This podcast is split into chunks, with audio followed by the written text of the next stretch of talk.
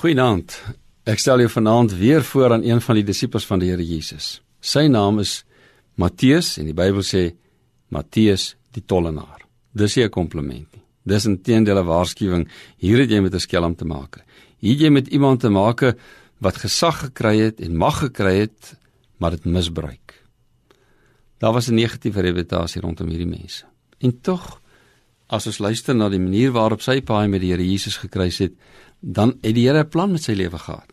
Kom ek lees dit saam met jou in Lukas 6. Jesus het uitgegaan 'n tollenaar met die naam van Matteus by die tolhuis sien sit. En Jesus sê vir hom: "Volg my." Hy het alles net so laat lê en opgestaan en Jesus gevolg. En dan kom hierdie interessante, wat het hy toe gaan doen? Hy het 'n groot feesmaal in sy huis gehou ter ere van Jesus en 'n groot aantal tollenaars en ander mense het saam met hulle aangesit.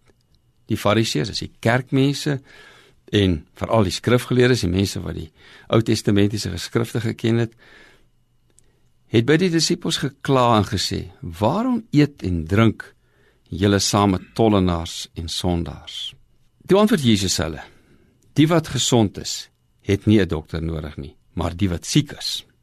Ek het nie gekom om mense wat op die regte pad is tot bekering te roep nie, maar sondaars. Hoor jy die antwoord? Jesus gebruik hier iemand wat heeltemal in die buitekring is. Iemand wie se vriende en hy self nie naby 'n sinagoge of naby 'n skrifgeleerde of 'n kerk of 'n gelowige sou kom nie. En as hy dan ja sê vir die Here Jesus, dan verander alles in sy lewe, maar nie in sy vriende se lewe nie. Daarom hou hy 'n groot partytjie. Hy nooi hulle uit en sê: "Kom, Ons praat saam.